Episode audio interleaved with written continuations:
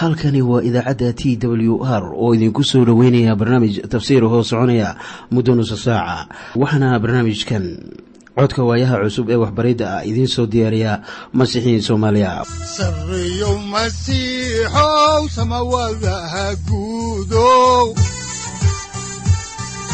Siraadkii adduunkow subanaha eebow sareyow masiixow samawadaha guudow siraadkii adduunkow subanaha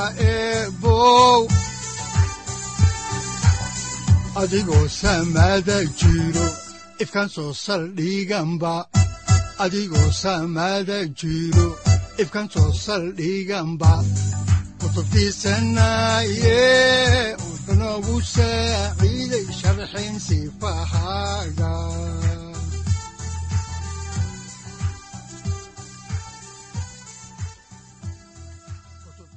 ku soo dhowaada dhegaystayaal barnaamijkeenna dhammaantiinba waxaan horay idinku sii ambaqaadi doonnaa daraasaadkii la magac baxay baibalka dhammaantii waxaannu horay idinku sii wadi doonnaa kitaabkii afraad ee muuse oo loo yaqaanno tirintii. Waxaan caawa idiin sii wadi doonnaa cutubka laba iyo labaatanaad oo aynu kaga gudbi doonno kan saddex iyo labaatanaad iyo weliba kan afar iyo labaatanaad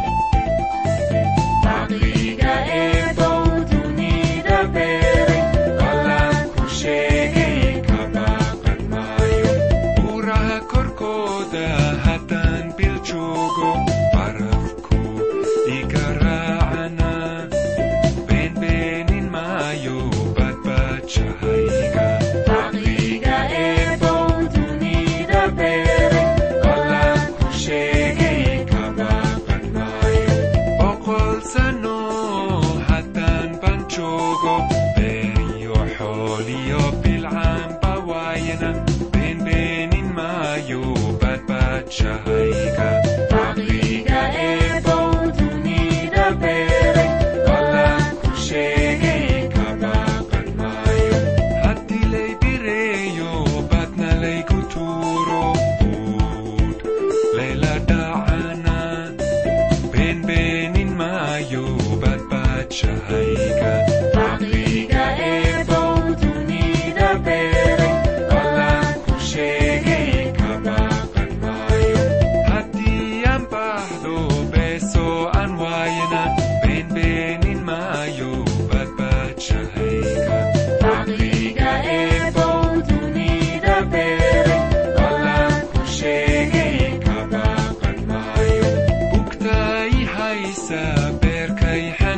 신 기사가 이반 토이가 복시야 벤벤인 마요 밭밭 차이가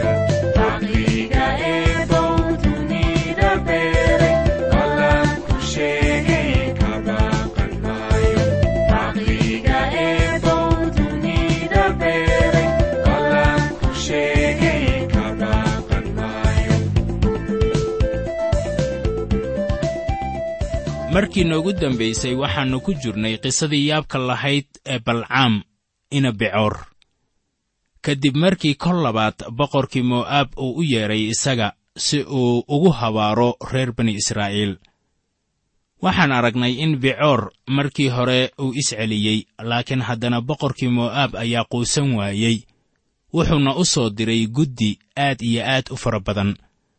Waxaanan ogaannay in ilaah taasi uu ka xumaaday haddaan horay idinku sii wadno kitaabka oo aan eegno cutubka laba-iyo labaatanaad aayadaha afar iyo labaatan ilaa lix iyo labaatan waxaa qoran sida tan. Markaasaa malaa'igtii rabbigu waxay istaagtay suran beer canabyada ku dhex yaal oo dhankan dayrka ah dhanka kalena dayrka ah oo haddana dameertii waxay aragtay malaa'igtii rabbiga markaasay derbiga isku jiidday oo balcaam cagtiisii ayay derbigii kula qabatay oo isna haddana wax buu ku dhuftay. Markaasaa malaa'igtii rabbigu horay u sii socotay oo waxay istaagtay meel cidhiiri ah oo aan meel looga leexdo lahayn midig iyo bidix toona. Balcaam wuxuu go'aansaday inuu sii socdo sidaad arkayso wuxuu ahaa nin laxajeclo badan haddaan horay idinku sii wadno kitaabka ayaannu eegaynaa cutubka laba-iyo labaatanaad aayadaha toddoba iyo labaatan ilaa siddeed iyo labaatan. Waxaa qoran sida tan. Oo haddana dameertii waxay aragtay malaa'igtii rabbiga markaasay iska jiifatay balcaam hoostiisa. Balcaamna wuu carooday oo dameertii usha ku dhuftay. Markaasaa rabbigu afka dameertii furay oo waxay balcaam ku tidhi war maxaan kugu sameeyey oo aad saddexdan jeer ii dishay? Taasu waa mucjiso dabcan. Ilaah wuxuu isticmaalayaa hab uu farriintiisa u gudbiyo. Nin baa yidhi mucjiso ayaa dhacday berigii balcaam markii dameer uu hadlay. Haatanna mucjiso ayaa dhacaysa. Haddaan horay idinku sii wadno kitaabka oo aan eegno kitaabka tirintii cutubka laba-iyo labaatanaad aayadaha sagaal iyo labaatan ilaa kow iyo soddon waxaa qoran sida tan. Markaasaa balcaam dameertii ku yidhi maxaa yeelay adigu waad igu majaajilootay oo weliba waxaan jeclaan lahaa in seefu gacantayda ku jirto waayo waan ku dili lahaa hadda.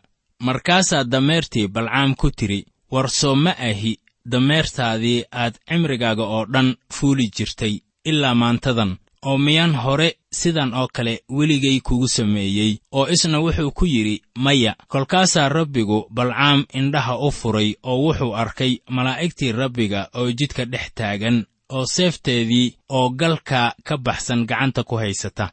Markaasuu madaxa foorariyey u sujuuday. Haddaba mar kale ayaan arkaynaa in malaa'igtii rabbiga ay u digtay balcaam oo ay ku tidhi waa inaad ku hadashaa waxa rabbigu kuu sheegayo. Markaasaa balcaam horay u sii socday u aaday boqorkii mo'aab ee baalaaq ahaa. Haddaan horay idinku sii ambaqadno kitaabka oo aan eegno aayadaha laba iyo soddon ilaa shan iyo soddon ee cutubka laba iyo labaatanaad waxaa qoran sida tan kolkaasaa malaa'igtii rabbigu waxay isagii ku tidhi war maxaad dameertaada u dishay saddexdan jeer? Baleeg anigu waxaan u soo baxay cadow ahaan. Maxaa yeelay jidkaagu horteyda waa ku qalloocan yahay oo dameertuna anay i aragtay oo saddexdan jeerba horteyday ka leexatay oo haddaanay iga leexan hubaal waan ku dili lahaa iyadase waan badbaadin lahaa oo balcaam waxa uu malaa'igtii rabbiga ku yidhi waan dembaabay waayo ma aan ogeyn inaad jidka taagan tahay adigoo iga geesa. Haddaba haddii sidaasu ku xumayso dib baan u noqonayaa. Markaasaa malaa'igtii rabbigu balcaam ku tiri orod oo nimanka raac laakiinse hadalkii aan kugula hadlo oo keliya waa inaad ku hadashaa. Sidaas daraaddeed balcaam waxa uu raacay amiiradii baalaaq soo diray waatan waxa qorniinka uu u leeyahay sidii balcaam isagoo ka hadlaya nebiyada khaldan ayaa butros uu leeyahay sida ku qoran warqaddii labaad ee rasuul butros cutubka labaad aayadaha shan iyo toban ilaa lix iyo toban.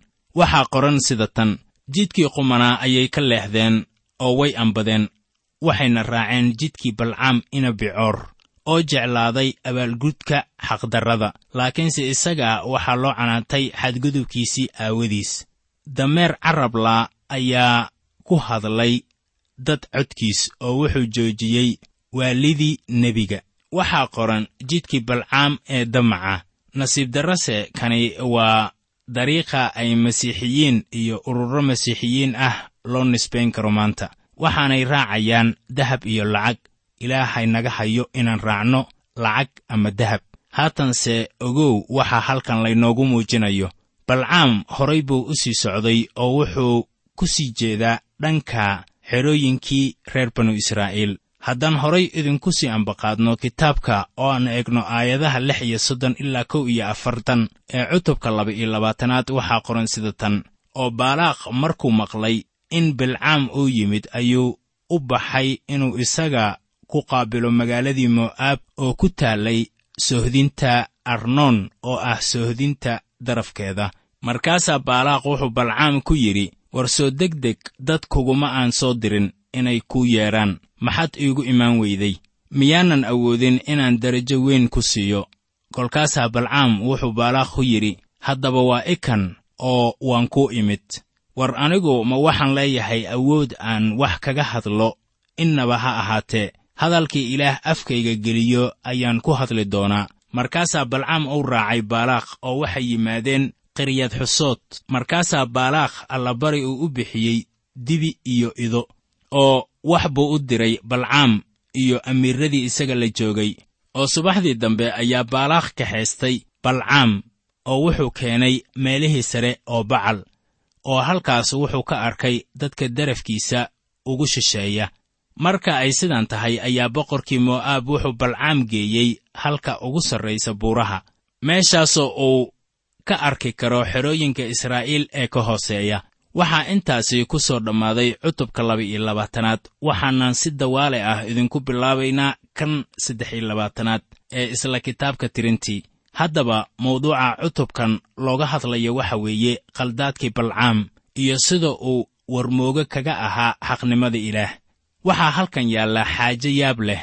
Balcaam wuxuu u yimid baalaaq oo ahaa boqorkii mo'aab baalaaq wuxuu balcaam geeyey halka sare ee buurta si uu halkaasi kaga eega xerooyinka hoose ee reer banu israa'iil ay degganaayeen.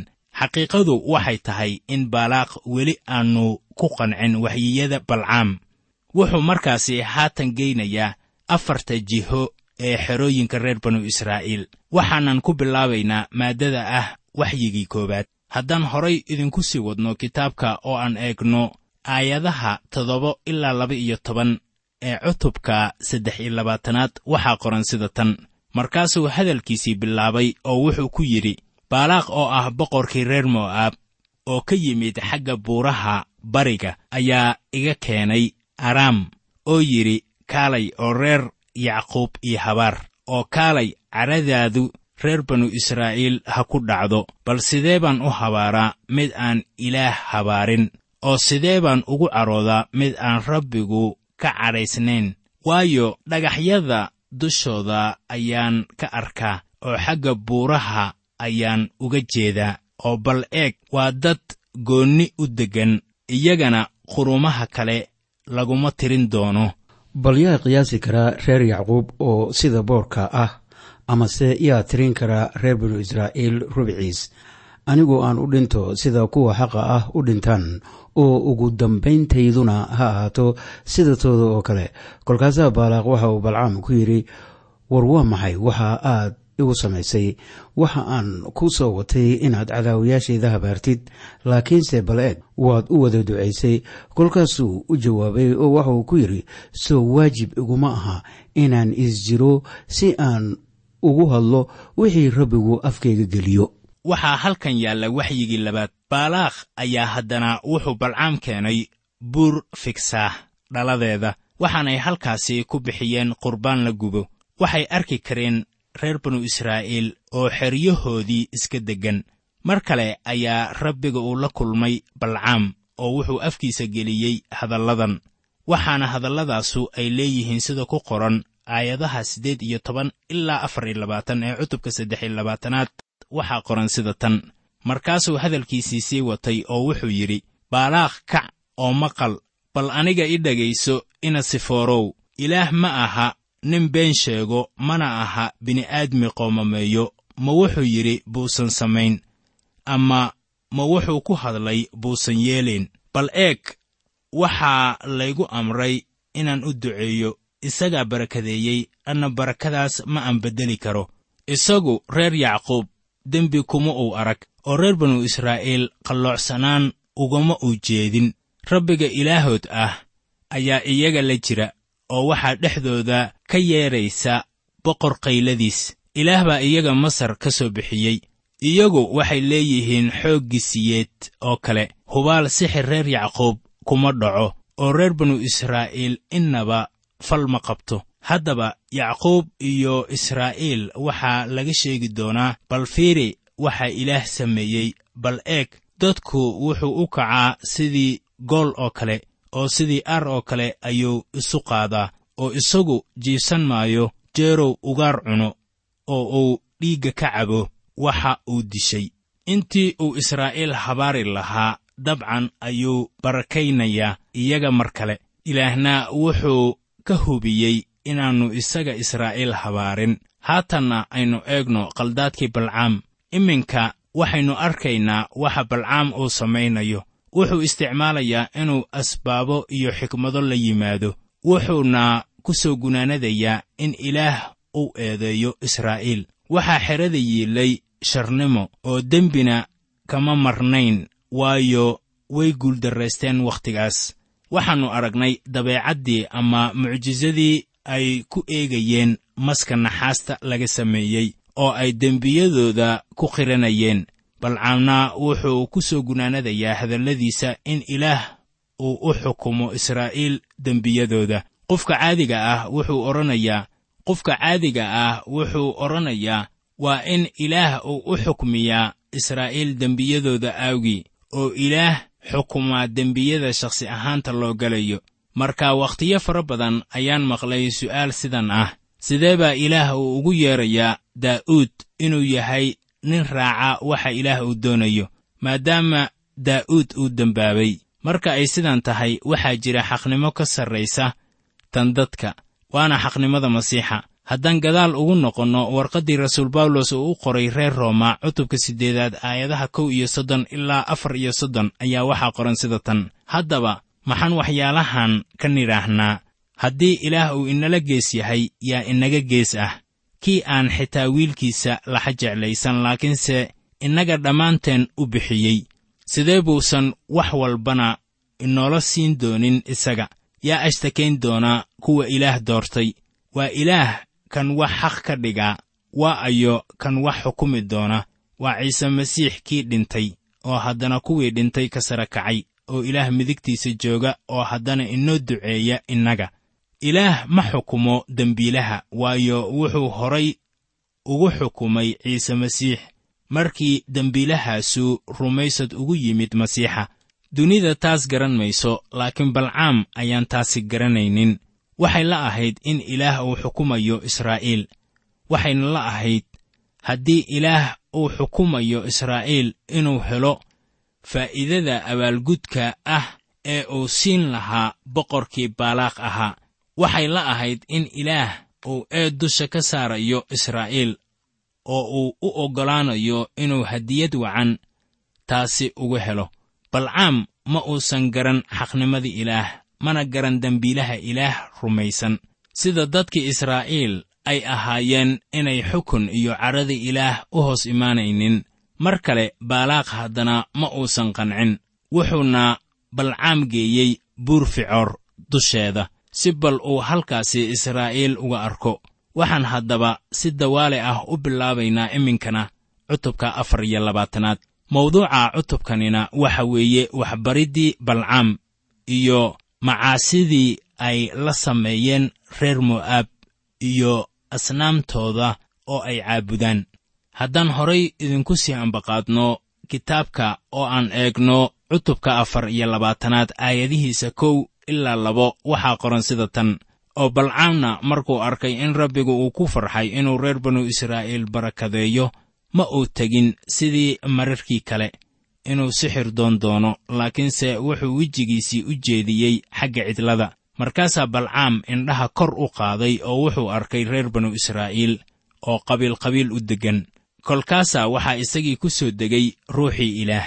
Waxaa halkan yaalla shay inaga yaabinaya. Ruuxii rabbigu wuxuu ku duldegay ninkan. Bal haddaba dhegayso waxyigiisan. Haddaan waxyigaasi ka sii wadno cutubka afar iyo labaatanaad ayaa waxaa ku qoran aayadaha saddex ilaa sagaal sida tan. Markaasuu hadalkiisii watay oo wuxuu yidhi balcaam ina bicoor. Wuxuu leeyahay oo ninkii ishiisu daboolnaan jirtay wuxuu leeyahay wuxuu leeyahay kii erayadii ilaah maqla oo tusniintii ilaaha qaadirka ah arka oo dhaca isagoo indhihiisu furan yihiin. Teendhooyinkiinnu wanaagsana reer yacquubow oo taambuugyadiinna qurxoona reer banu israa'iilow. Waxay u fidsan yihiin sidii dooxooyin iyo sidii beero webiga barbarkiisa ku yaal iyo sidii geedo dacar ah oo rabbigu beeray iyo sidii geedo keder ah oo biyo ku ag yaal. Baaldiyadooda waxaa ka daadan doona biyo oo farcankoodu wuxuu ku jiri doonaa biyo badan oo boqorkooduna wuu ka sarrayn doonaa agag oo boqortooyadooduna waa la sarraysiin doonaa. Ilaah baa iyaga masar ka soo bixiyey oo iyagu waxay leeyihiin xooggisiyeed oo kale oo waxay cuni doonaan qurumaha cadaawayaashooda ah oo lafahooda way jejebin doonaan oo waxay iyaga ka mudbixin doonaan fallaarahooda iyagu hoos bay isu gaabiyeen oo sida aar bay u jiibsadeen iyo sida gool libaax.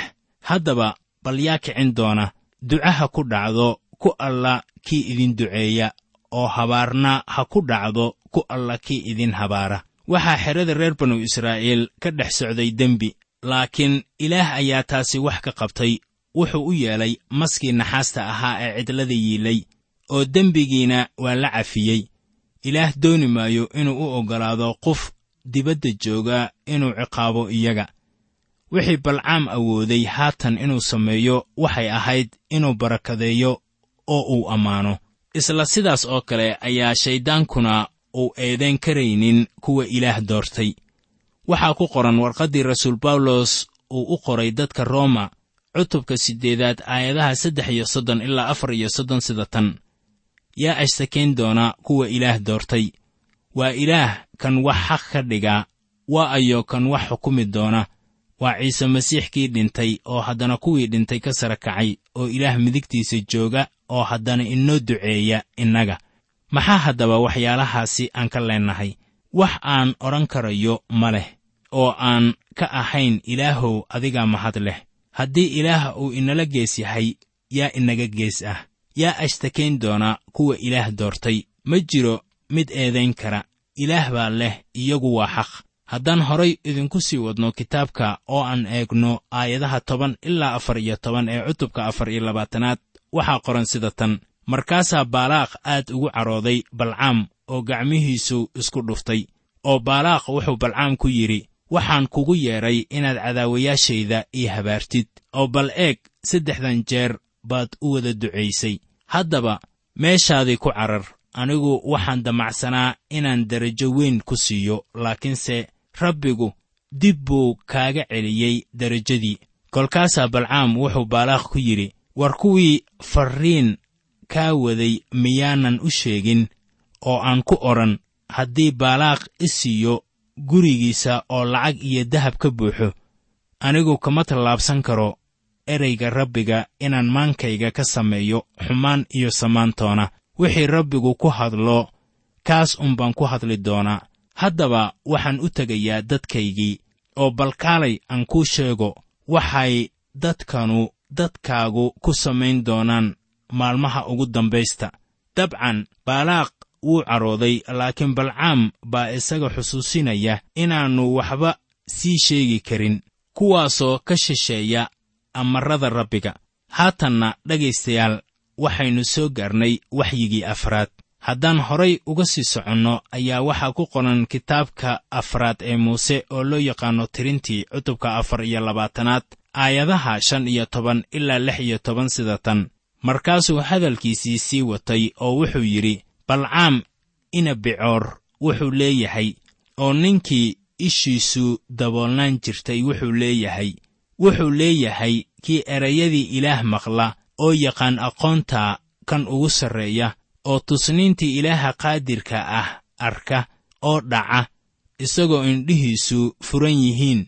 Waxaad haddaba tan u eegtaa si feejigan. Waa waxyi wacan. Kanina waxaan maqalnaa wakhtiga ciidda masiixa la gaaro si bal aynu taa idinku faahfaahinno ayaannu eegaynaa cutubka afar iyo labaatanaad aayadaha toddoba iyo toban ilaa sagaal iyo toban.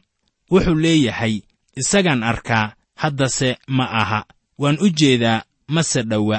Reer yacquub xidig baa ka soo bixi doonta. Reer banu israa'iil waxaa ka soo kici doonta ul boqortooyo oo waxay burburin doontaa rukumada mo'aab oo waxay baabi'in doontaa dadka sheed oo dhan oo dalka edom wuxuu noqonayaa hantidooda oo siciir oo isnaa cadowgooda ahaa. Hantidooduu noqonayaa oo reer banu israa'iil way xoogaysan doontaa oo mid reer yacquub ka soo farcamay ayaa xukun yeelan doona oo wuxuu baabbi'in doonaa kuwa magaalada ka hadha miyaad weligaa la yaabtay halka raggii xikmadda lahaa ay ka barteen inay eegaan xiddigga? Sidee bay xiddig cusub ugu xidhayaan boqor ku dhalan doonay dalka israa'iil. Maxayse ilaa iyo dhul fog ugu soo socdaaleen nimankaas xigmadda lahaa.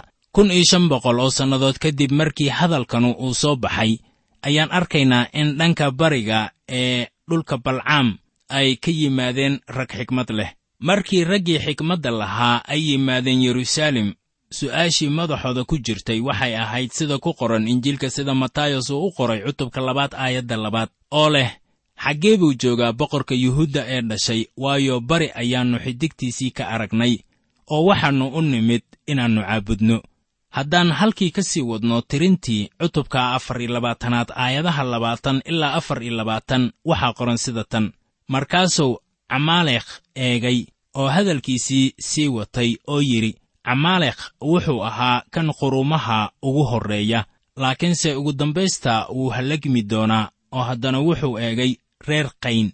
Markaasuu hadalkiisii sii watay oo yidhi meeshaad deggan tihiin waa adag tahay oo buulalkiinnana dhagaxaa laga dhisay. Hase yeeshee waa laydiin baabbi'in doonaa reer qaynow. Jeer ay reer ashuur maxaabiis ahaan idinka haystaan markaasuu hadalkiisii sii watay oo wuxuu yidhi hoogay ee bal yaa sii noolaan doona. Markii ilaah waxaan sameeyo laakiinse doonniyo waxay ka imaan doonaan xeebta kitiim oo waxay dhibi doonaan ashuur oo waxay dhibi doonaan ceeber oo isna wuu halligmi doonaa. Bilxaqiiqa boqorkii baalaaq ahaa wax sheegiddaas kuma qancin waxaana ku qoran cutubka afar iyo labaatanaad aayadda shan iyo labaatanaad oo ah tan ugu dambaysa ee cutubkan sida tan. Markaasaa balcaam kacay oo ku noqday meeshiisii baalaaqna wuu iska tegey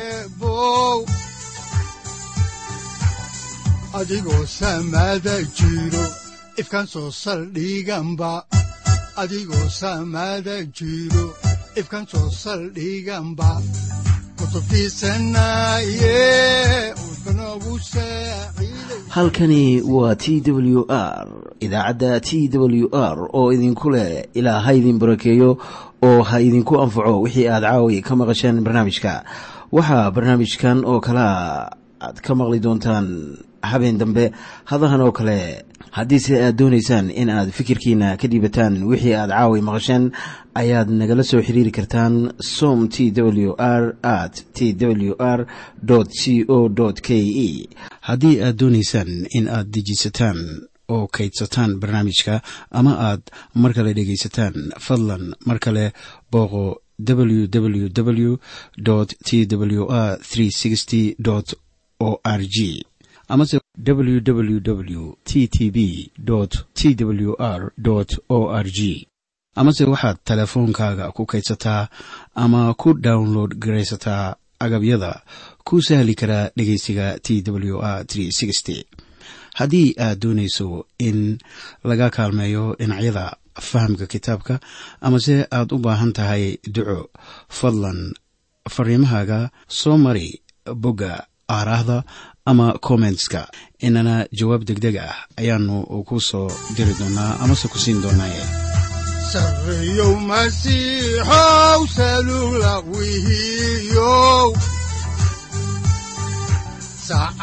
timid dhulka sabada ku dhalatiyo